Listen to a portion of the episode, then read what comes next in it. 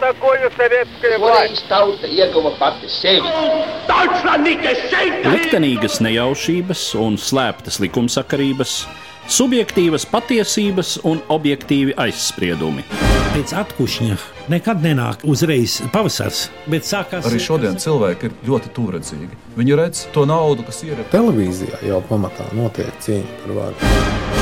Pagātne no šodienas skatu punkta un šodienas caur pagātnes prizmu. Raidījumā šīs dienas acīm. Katru svētdienu Latvijas radio eterā Eduards Liniņš. Labdien, cienījamie klausītāji! Nesen atzīmējām 90. gadsimtu kopš dzimis dzinieks Ojārs Vācietis. Un kā jau tas ir ierasts šajās gadsimtu reizēs, un arī ārpus tām, sabiedrībā, protams, kā tas šodien pieņemts sociālajos tīklos, notika zinām viļņošanās par tēmu, vai vācietis ir tas, kuru vajadzētu šodien pieminēt, vai vispār vajadzētu runāt ar tādu augstu vērtējošu pieminēšanu par tiem rakstniekiem, dziniekiem, kuri savulaik padomju laikā bija vispārējā literatūras procesā pamanīti, konjunktūras arī ar zināmām balvām, neapdalīti. Tātad piederēja arī toreiz pie Latvijas elites. Par to, kā mums būtu šodien jāskatās uz rakstniekiem, viņu literāro nopelnu un viņu tā laika pausto uzskatu kontekstā, es gribētu šodien parunāt ar maniem sarunbiedriem. Un mani sarunbiedri studijā ir literatūra vēsturnieks, Latvijas Universitātes Latvijas un Baltistikas nodaļas profesors Ojārs Lāms. Sveicināts! Sveicināts! Un vēsturnieks Latvijas Nacionālās Bibliotēkas vadošais pētnieks Mārtiņš Mintaurs. Labdien! Labdien! Vispirms es domāju, runājot par šo problēmu, ir jānovelk tādas zināmas chronoloģiskas robežas. Mēs īsti nerunāsim šodien par to rakstnieku un vispār kultūras darbinieku paudzi, kura piedzīvoja vēl neatkarīgās Latvijas laikus jau daudz maz nobriedušā vecumā, tad piedzīvoja šo totalitārismu, invāziju un Staļina periodu. Tas bija laiks, kuram bija pavisam citi nosacījumi nekā Tomēr tam, kas bija pēc tam, šis Hruščova atkušņa, Brežņeva stagnācijas laiks, kad eh, valsts vairs neterorizēja individu tik nežēlīgi, tik graujoši, kā tas notika Staļina laikā. Mēs tātad runājam par tiem literātiem, kuri Staļina laiku piedzīvoja kā bērni, kā jaunieši, Pamatā tā ir paudze, kas ir dzimusi 30. gados. Ja mēs runājam par Ojāru Vāciešu, Imants Ziedoņu, Vismas Belševicu, Simanta Auziņu paudzi, nonāca līdz augstskolai kaut kad 40. gadu beigās, attiecīgi 50. gadu pirmajā pusē, 50. gadu vidū studijas beidza un e, ienāca literatūrā burtiski Hruščova atkušana priekšvakarā vai līdz ar to. Tas, manuprāt, ir diezgan būtisks apstākļus šajā gadījumā.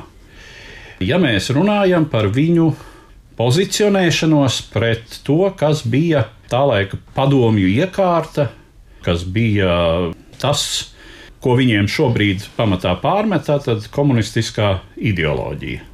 Līdz ar to droši vien būtu jāsāk ar jautājumu, kādas bija viņu iespējas augot tajā laikā un tajā vidē, palikt šī vispārējā ideoloģiskā fona neskartiem un nesamaitātiem. Droši vien jau kā neskartiem un nesamaitātiem iespēja palikt nebija.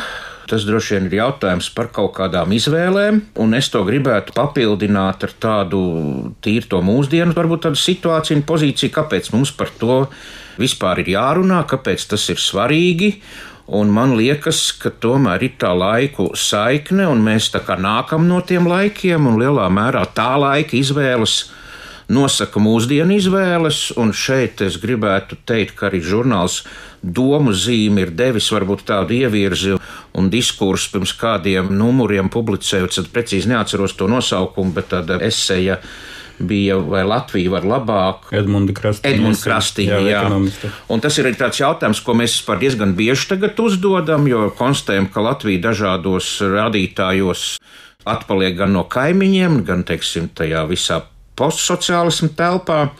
Protams, varētu arī nošķirt to lietu, vai mums tāds jautājums ir jāuzdod, jo no otras puses mēs varam teikt, ka Latvija piedzīvo tādu ekonomisku un labklājības uzplaukumu, kādu tā nekad nav piedzīvojusi, un to var tepat Doma laukumā redzēt, ka šis tirdziņš piedāvā tādas gastronomiskas izklaides un iepriecinājumus, un par tādām cenām, kuras pirms gadiem varbūt liktos pilnīgi neiespējamas. Bet tas būtu atkal cits jautājums. Bet, ja mēs jautājam, vai Latvija var labāk, tad man liekas, tur ir ļoti cieša saistība arī ar tām izvēlēm. Un man liekas, ka tas gļēvums, tā nevarība, tā bezprincipialitāte, kas nāk no daudzu tā laika cilvēku izvēlēm, ka tas ir pārmantots, ka tā laika komunisti iekļuva jaunās Latvijas celtniecībā, pieļāva visas tās kļūdas, kas ir pieļautas un kas joprojām tiek pieļautas. Un tas ir tas, kāpēc man liekas, ka ir svarīgi par to runāt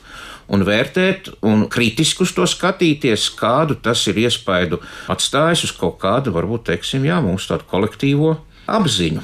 Te gan uzreiz es gribētu piebilst, ka tas nekādi neizskaidro, kāpēc Latvijas rādītāji ir sliktāki par Lietuvas un Igaunijas rādītājiem. Jo mēs nekādi īsti nevaram teikt, ka Lietuvā vai Igaunijā būtu bijuši citi ļaudis pie darīšanas. Es domāju, ka tās atšķirības neizriet no kādas Latvijas neadekvātākas domāšanas. Bet tur ir pavisam konkrēti, pavisam kvantitatīvi un arī geogrāfiski apstākļi, kāpēc tas tā ir. Bet tas ir cits jautājums. Bet, jā, runājot par ideiskajām, par apziņas lietām, Mārtiņ. Par apziņas lietām runājot, paldies profesoram Lāmam, ka pieminēja žurnāla domazīmi. Man arī ir tas gods piedalīties žurnāla veidošanā. Es gribu turpināt to, ko profesors jau teica par to kolektīvo apziņu, lai cik tas būtu stiepjams jēdziens un plaši skaidrojams un dažādi interpretējums, bet tāda lieta, protams, pastāv. Un tāpēc arī rezonējot, ko tu, Edvards, tikko teici par Latvijas atšķirību no kaimiņiem, no Igaunijas un Lietuvas, nu to var vienā vārdā ietvert, ka mēs bijām visvairāk sovietizētā no tā saucamajām Baltijas republikām, bet tā tiešām ir cita sarunas tēma. Bet ar apziņas lietām ir tā. Tā kā es piedaru paudzei, kura tikai dabūja paostīt padomju Savienības gaisu, tā teikt, pašās beigās, jo 89. gadā man bija tikai desmit gadi. Līdz ar to man ir no vienas puses vieglāk, un no otras puses grūtāk par to izteikties. Tāpēc es varu teikt ne pēc savas pieredzes, bet pēc tā, ko es esmu domājis par šo tēmu, mācoties vēsturi un mēģinot arī atbildēt pats sev uz dažiem jautājumiem, kā skatīties, piemēram, uz Aleksandru Čaku pēc otrā pasaules kara vai uz kādu citu latviešu literatūrā nozīmīgu autoru saistībā ar viņa vai viņas attiecībām pret padomju okupācijas režīmu. Un man šķiet, ka tur ir jāņem vērā divas lietas. Pirmkārt, būtu svarīgi saprast, kas tad ir padomju okupācijas režīms Latvijas sabiedrībai vai Latvijas tautai kopumā, kāda pret to ir attieksme kā pret vēsturisku parādību, un tajā pašā laikā ir jāņem vērā, tās izvēles, par ko jūs abi jau arī runājāt, un tas katrs šīs izvēles individuālais uh, gadījums. Jo mēs jau ar profesoru Lāmu runājām pirms ieraksta par to, ka ir kaut kādas lietas, ko mēs varam piedot Aleksandram Čakam, bet ko mēs nevaram piedot, piemēram, Jānim Sudrabkalnam. Un jautājums par Sudrabkalna jubilejas kaut kādu atzīmēšanu droši vien, ka nav aktuāls un arī nebūs. Bet tas ir atkal aizejot atpakaļ uz Staļina laikiem un uz periodu līdz 50. gadu vidum, bet kas attiecas uz 60., 70. un 80. gadiem, tad, protams, ka latviešu literatūrā ir klātesoša visas padomu ideoloģijas sārņi un padomu ideoloģijas ietekme, bet mans uzskats ir tāds, ka ir jāņem vērā konkrēta autora situācija un arī teksts, kādu viņš vai viņa ir radījis, un tāpēc nevar mērīt visus ar vienu olekti. Kaut gan, protams, ir jāņem vērā, ka cilvēki dzīvoja tajā laikā un tajos apstākļos, kādos viņi dzīvoja, un arī, nu, vismaz runājot par 70. un 80. gadiem, kaut kādā mērā izvēlējās, cik daudz sadarboties ar pastāvošo padomu režīmu un cik daudz nē. Bet biogrāfija ir viena lieta, un teksts, es domāju, ka ir atsevišķa lieta. Un tekstus, ja mēs vērtējam, tad vērtējam pirmkārt droši vien literāro kvalitāti un nozīmi, piemēram, latviešu valodas un kultūras attīstībā, arī tā laika kontekstā. Zinot, ka tam pašam autoram ir ļoti dažādi teksti, tajā skaitā tādi, kas ir vairāk konformistiski attiecībā pret padomju režīmu, kur ir izteiktākas nodevas, ideoloģiskās, politiskās nodevas. Skolā, manuprāt, būtu jāmāca gan vieni, gan otri teksti, citādi mēs neredzēsim to laikmeta pretrunu, kādā šie cilvēki bija spiesti dzīvot vai kādā viņiem bija lemts dzīvot. Tāpēc es saku, ka man ir no vienas puses vieglāk, jo es tajā laikā neesmu dzīvojis un es it kā varu skatīties no malas, bet tā var būt arī šķietamība. Es jau teicu sākumā, ka mēs par Čaku un Sudraba kalnu drīzāk ne šajā sarunā, bet eh, ja jau mēs skatāmies uz šīm literātu paudzēm, tad jāsaka, ka tajā laikā, kad uh, sava talanta apgājā bija Ojārs Vācietis, Imants Ziedonis, nu arī mazliet jaunākie kā Jānis Peters, Mārs Čaklais, tad uh, šajā paudzē tādu tīru konjunktūras kalpu kas tajā pašā laikā būtu bijuši arī ļoti pamanāmi tajā literatūras ainā. Kādi bija iepriekšējā paudzē, kāds tiešām bija Sudrabkalns. Nu, un, protams, Arvīts Griguls un Valdis Luks, Fricis Rokpelnis.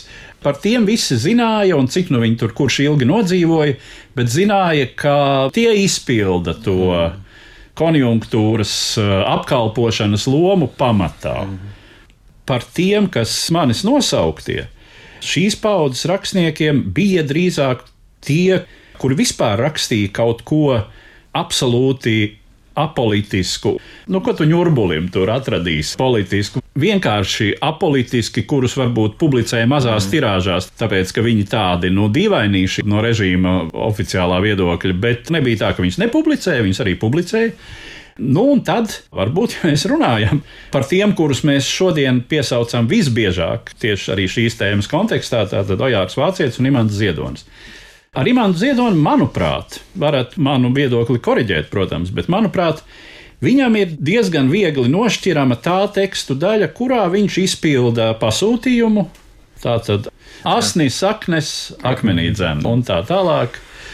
Un pārējais viss ir arī vairāk vai mazāk nepolitiski vai, teiksim, teksti ar tik labi noraktu zemtekstu, kā arī gāja cauri visām cenzūras ķemmēm. Ar vācieti ir vistrakāk, jo viņam tad ir tiešām diezgan daudz tekstu, kuros parādās tas, sevišķi, ja runa par 60. gadiem, kā viņš ir ticējis. Vismaz man izjūta to lasot, kā ar sarkano, ar svēto krāsu lāpā, kā tā sarkanā tiešām arī bija svēta viņa uztverē. Mm. Turpinājumā fragments no Ojāra Vācieša 1962. gadā tapušās poēmas Partijas piederība. Runā Arnolds Liniņš, Latvijas radio 1986. gada ieraksts. Par visu vairāk es baidos būt bezparteisks. Vairāk nekā no slimības katras, vairāk nekā būt vispār beigts. Bezparteisks es negribu uz pasaules atrasties. Tāpēc, ka turpinās mana revolūcija. Lido ar platiem, liesmainiem spārniem. Tāpēc, ka Redijs arī ir revolucionārs, ja visu skatās no sarkanās ārienes. Tāpēc, ka nav vēl no pozīcijām izsisti ienaidnieki visādu šķiru un visādu marku. Es gribu pleca un sirds asins sviedros izsvīst savas partijas biedra kartes sarkanumu. Izsvīst, lai zūd simts manu vājo minūšu pēdējā šauba un pēdējā poza. Es gribu tā, lai smirdams zinātu, ka mana karte nav bijusi rozā.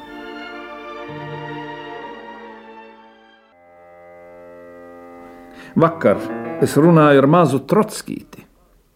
Visu laiku man atmiņā šāvās brīži, kad viņš vēl brauca ar motociklu un savās kļūdās atzīties ļāvās. Runājām mēs par kubas bārdaņiem. Viņa spriedums bija nepārsūdzams un galīgs. Ja vēl amerikāņi teiks vienu vārdu, gāzīs virsū un slapjums paliks. Divas, trīs ballistiskās, un viņi būs nosisti. Uzvara! Mums visa pasaule, visums! Es sāku domāt, vai tikai Trotskis nebija mūsu pirmais ģenerālissimus. Viņš tāpat mūsu uzvaru saprata, tāpat kā šis, lai mēs ietu un nestu, nestu ar lodi, nevis ar saprātu pasaulē mūsu komunistisko manifestu. Kā lai tiranismu no tādas sirds izēda? vai komunisma spožums to visu var izdzēst? Komunisms viņam ir kolonizēt. Viņš arī komunismā kolonizēs. Nu jā, tas pats Imants Ziedonis arī vēl 88. gadā, kad jau daudz kas ir mainījies, viņš runā tajā plēnumā, viņš saka, it kā latvieši nebūtu ticējuši Ļeņinam, un ar to viņš tā kā apelē pie varas, ka lai dod mums te kādu autonomiju, ļauj runāt latviski un tam līdzīgi. Tas notiek vēl 88. gadā. Bet uh, tur jau varbūt tie ir tādi ārēji apstākļi arī, kas ļauj tiem cilvēkiem kļūt aizvien brīvākiem, un viņi, protams, meklē dažādas formas, kā pastāvēt, un tie dzinieki, kuriem to politisko momentu ieraudzīt nevar. Tie jau ir vēl nākamā paudze, varētu teikt, jau tas 60. gadu beigas. Nu, faktiski Belšvics jau arī sākumā ir diezgan sovietiski tie dzējoļi. Belšvica ir tā lielā plaisa, ka viņai jā, viņa sākums briesmīgs. Jā, bet, bet, bet gadu ir... redzenos viņa pilnībā no tā ir atbrīvojusies, jā. un tad tur vairs ne grama nav. Bet, piemēram, tajā pašā ziedoņa motociklā, kas it kā arī tāda novitāte un poētiska izraušanās, tur ir vēl diezgan spēcīgas nodevas krājuma noslēgumā. Un mazliet varbūt vispār pie tā laikmeta atgriežoties, viņa skatoties, bet man liekas, tas problēma jautājums ir, kā mēs vispār uz to padomju okupāciju skatāmies. Nu, ja tā tomēr ir bijusi okupācija, tad tomēr mēs viņu arī vērtējam kā okupāciju, un tad tomēr laikam tā sadarbība nav īsti pieņemama. Tad mēs nevaram to izslēgt. Mums tā ir kaut kā tomēr jāvērtē un jāredz šajās personībās, ka Tas ir bijis, un pēc tam jau ir pētījumi, kad mēs sākam pētīt, kāpēc tā ir noticis. Nu šeit, piemēram, šī grāmata pielāgošanās sniedz diezgan dažādas versijas. Tā sērija par vēsturi, ko Aminori izdod, Tātad Latvijas vēstures mītu un versijas tā sērija sauc. Viņi tos Jā. neskaidros periodus mēģina tā izgaismot. Un te tur tie dažādie diskursi ir diezgan tā labi iezīmēti, bet, nu, varbūt tieši tas kultūras aspekts tur arī tā mazāk, kaut gan arī tur ir saruna ar Lauri Gundaru, kur viņš jau tā diezgan labi raksturo to laikmetu. Un jāsaka, ka no tā brīža, kad Gundars tur tā izsakās, mēs nekur tālu neesam tikuši. Tiklīdz šis temats parādās, tā sāks kaut kādas polemikas, apmētāšanās ar kaut kādiem apvainojumiem. Tas ir lielā mērā tas sociālo tīklu, diskusiju kultūra. Un mēs faktiski mīcamies uz vietas, tā kā purvā dziļāk slīkstam. Un es tomēr gribu vēl atgriezties pie tā, ko es sākumā teicu. Es tomēr redzu to saikni starp to padomu laiku konformismu un arī mūsdienu konformismu, ka tas ir mūsos tik dziļi iesēdies, un arī tajā savā darba vidē, akadēmiskajā vidē, nu es arī to redzu, ka tur tāpat ir tas deficīts, Tas ir citāds deficīts nekā bija padomu laikā, ir cīņa par to deficītu, nu, tas ir faktiski finansējums. Un tur arī visi līdzekļi ir pieņemami. Tur ir dažādas tās motivācijas, kurš tur taisa karjeru, kurš tur ir nobijies. Un, piemēram, kad es noskatījos to filmu par ziedoni, dzinieku un auķis, kur jau gan it kā gandrīz to padomu laiku ignorē, tur tikai mīlestības stāsts un šur tur uzplaiksnī kaut kas, bet tur arī, piemēram, ļoti interesanti parādās tā saikne, tā ziedoņa karjeristiskā saikne ar iepriekšējo laikmetu, ka viņam kāzās vedētājs ir Valdis Luks. Tad viņam nav nekāda problēma, kā jaunam dziniekam, kurš nāk ar kaut ko novatorisku, aicināt valdi Luksu, kurš ir iepriekšējās nomenklatūras pārstāvs par savu vedēju tēvu. Un rakstnieku poliklinikā jau arī visi gāja pie vieniem un tiem pašiem doktoriem. Nu jā, un rakstnieku poliklinikā taču arī bija privilēģija, un tas ir arī tā padomju politika, tā pātagas un burkāna politika, ka tev nosaka, ko tu drīksti, nebāzies ārā, un par to tu dabūsi to un to un to, un elite tika minēts vārds, bet tur jau drīzāk jāmin kaut kāds, varbūt angļu vārds establishments vai varbūt savā ziņā piederība nomenklatūrai, jo tur bija. Savu veidu nomenklatūra. Jo tur bija, bija ļoti, ļoti skaidri labumi ko dabūja tie, kas piederēja pie šīm aprindām. Un tā regulācija jau bija ļoti strikta. Tad rakstnieku savienība, ja tu esi rakstnieku savienībā, tad tu esi piederīgs, un tad pat tu arī varēji pat ne tik ļoti tur nebāzties. Tu varēji arī nestāties tajā partijā. Tev arī nebija jāraksta tās slavas dziesmas Leņķinam, tu jau pie sava labuma minimuma tiki. Bet tad ir kaut kāds tālāks iespējas. Tas pats ziedonis, paskatāmies viņa biogrāfijā 70. gados pa pasauli, reizojas kā raķetes šāvies šurp turpu. Nu, vai tas notika tāpat vien? Nē, nē, tas, protams, notika ar nu, uh, ziņu. akceptu. Ar ziņu. ar ziņu, ar akceptu, jā, droši vien ar kādu uzdevumu arī. Ļoti jau interesanti, vismaz tādu nelielu izgaismojumu uz to procesu dod Margitas Gūtmanas grāmata par Veronikas Trēlērtu, kur viņa apraksta ziedoņa viesošanos Stokholmā viņa lekciju par latviešu dzēju, kurā viņš ne ar vārdu nepiemin Vizmu Belševicu kā latviešu aktuālu dzējnieci. Un tad arī to rezonanci, kas ir bijusi trimts presē uz to vizīti, un tā tāda ļoti neskaidra epizode ir. Bet principā ir jautājums par okupāciju kā tādu. Un te pretēji ir tas astras narratīvs. Tas arī bija interesanti, ka pirms valsts svētkiem televīzija piedāvāja tādu plašu kultūras programmu, kur bija gan mātes piens, tātad skats uz padomu laiku, filma par astru, tad arī skats uz padomu laiku, un vēl dzēnieks un auķis, tātad arī skats uz padomu laiku. Trīs tādi skati, kuriem, man liekas, kopsaucēji nebija. Katrs bija pats par sevi, un Astre, kurš saka, ka tas laiks izgaisīs kā ļauns murgs, Un man liekas, ka mūsdienās tas tiek mazliet pārprasts. Nu, viņš tā kā izgaist. Mēs par to nerunājām, par to murgaino, kas tur bijis. Viņš tiešām tā kā izgaist. Tā kā kāds murgs, ko mēs esam redzējuši, mēs esam pamodušies un izgaist. Pirms brīža es uzslavēju kolēģi domzīmes sakarā, bet Nacionālās bibliotekas sakarā es gribu iemest akmeni dārziņā, jo tur ir izstāde par ziedoni un vācieti. Tur ne ar vārdu nav minēts, ka viņi dzīvojuši padomju laikā, ka viņiem ir kaut kāda sakars ar padomju varu. Tur ir viņu skaistā draudzība, viņu lieliskās dzinieku spējas, kas nav bēli. Tur nav nekas melots, tas viss ir pareizi. Bet tas ir izrauts no konteksta, tā ir kaut kāda daļa. Un mēs neieraugām to ļauno murgu, kas ir bijis riņķi apkārt, un kurā viņi arī ir bijuši līdzdalīgi, uzturot kaut kādā veidā, atrodot kaut kādus izdzīvošanas veidus. Un arī noskatoties to filmu Dzēnieks un Auķis, es sapratu, ka kaut kādā mērā ziedoni droši vien ir vadījušas arī bailes. No vienas puses, man liekas, viņš ir bijis diezgan egocentrisks un narcistisks, varbūt pat personība, kurš ir gribējis būt uzmanības centrā vienmēr, un arī tas ir noteicis viņa izvēles.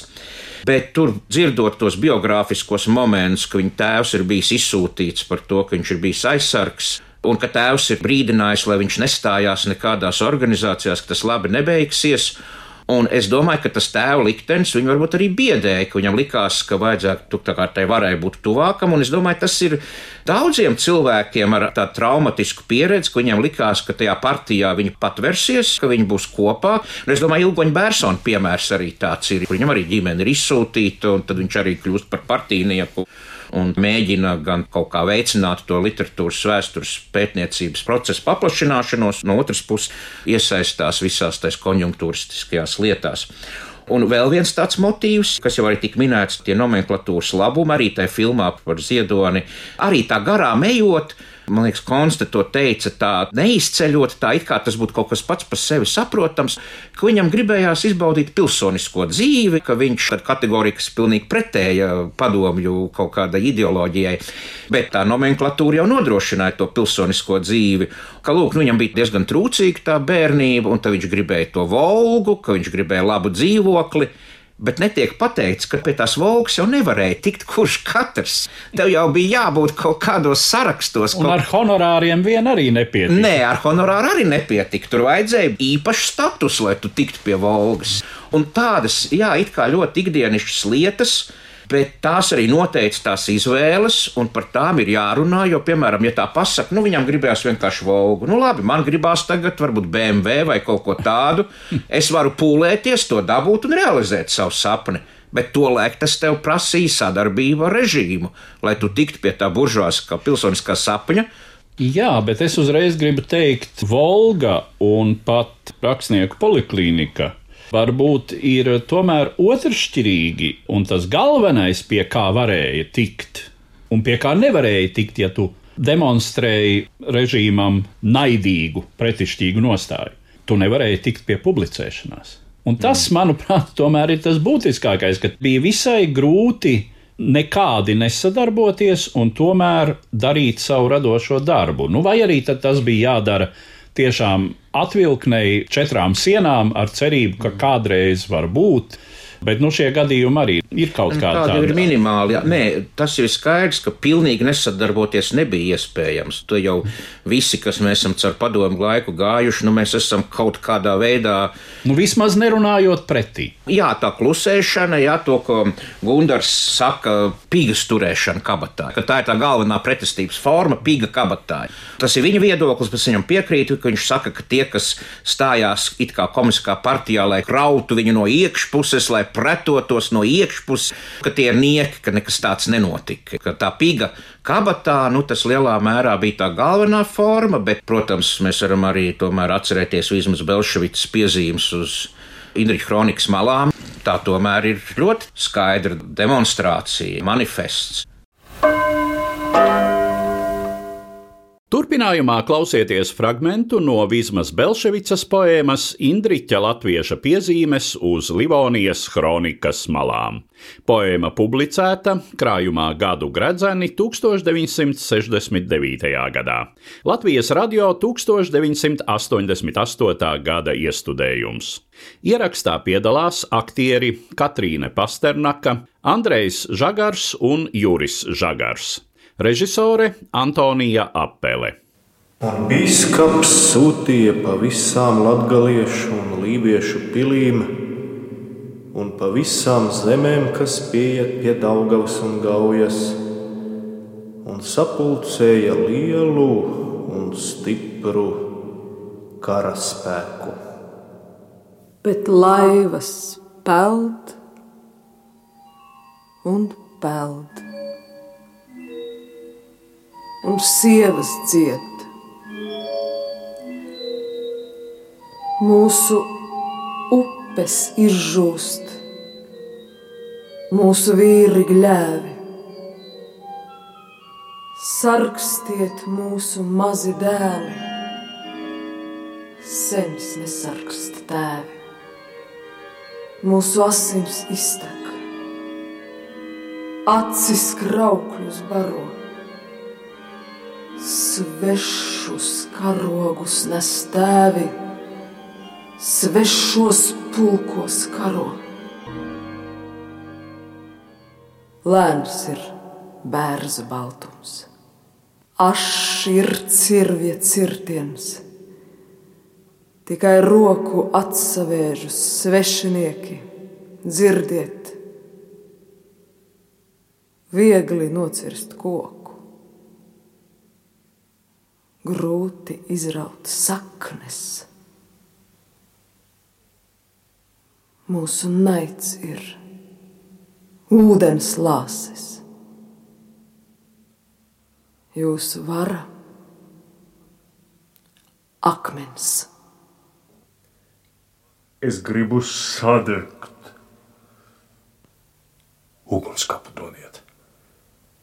Garš bijis mūžs, bet mūžu nomocīs. Visaugstākais no man tēvu godiem pastāvu liesmu, uzkāpt debesīs un izkliegt netaisnību,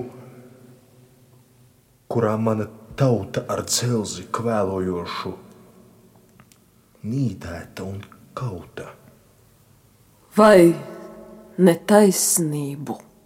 Līdz ar to izskan pirmā puse no sarunas ar literatūru vēsturnieku Latvijas Universitātes Latvistikas un Baltistikas nodaļas profesoru Ojāru Lāmu un vēsturnieku Latvijas Nacionālās bibliotēkas vadošo pētnieku Mārtiņu Mintauru. Mūsu sarunas noslēgumu klausieties nākamsvētdien, 17. decembrī. Uz redzēšanos, cienījamie klausītāji! Katru svētdienu Latvijas radio viens par pagātni sarunājas Eduards Liniņš.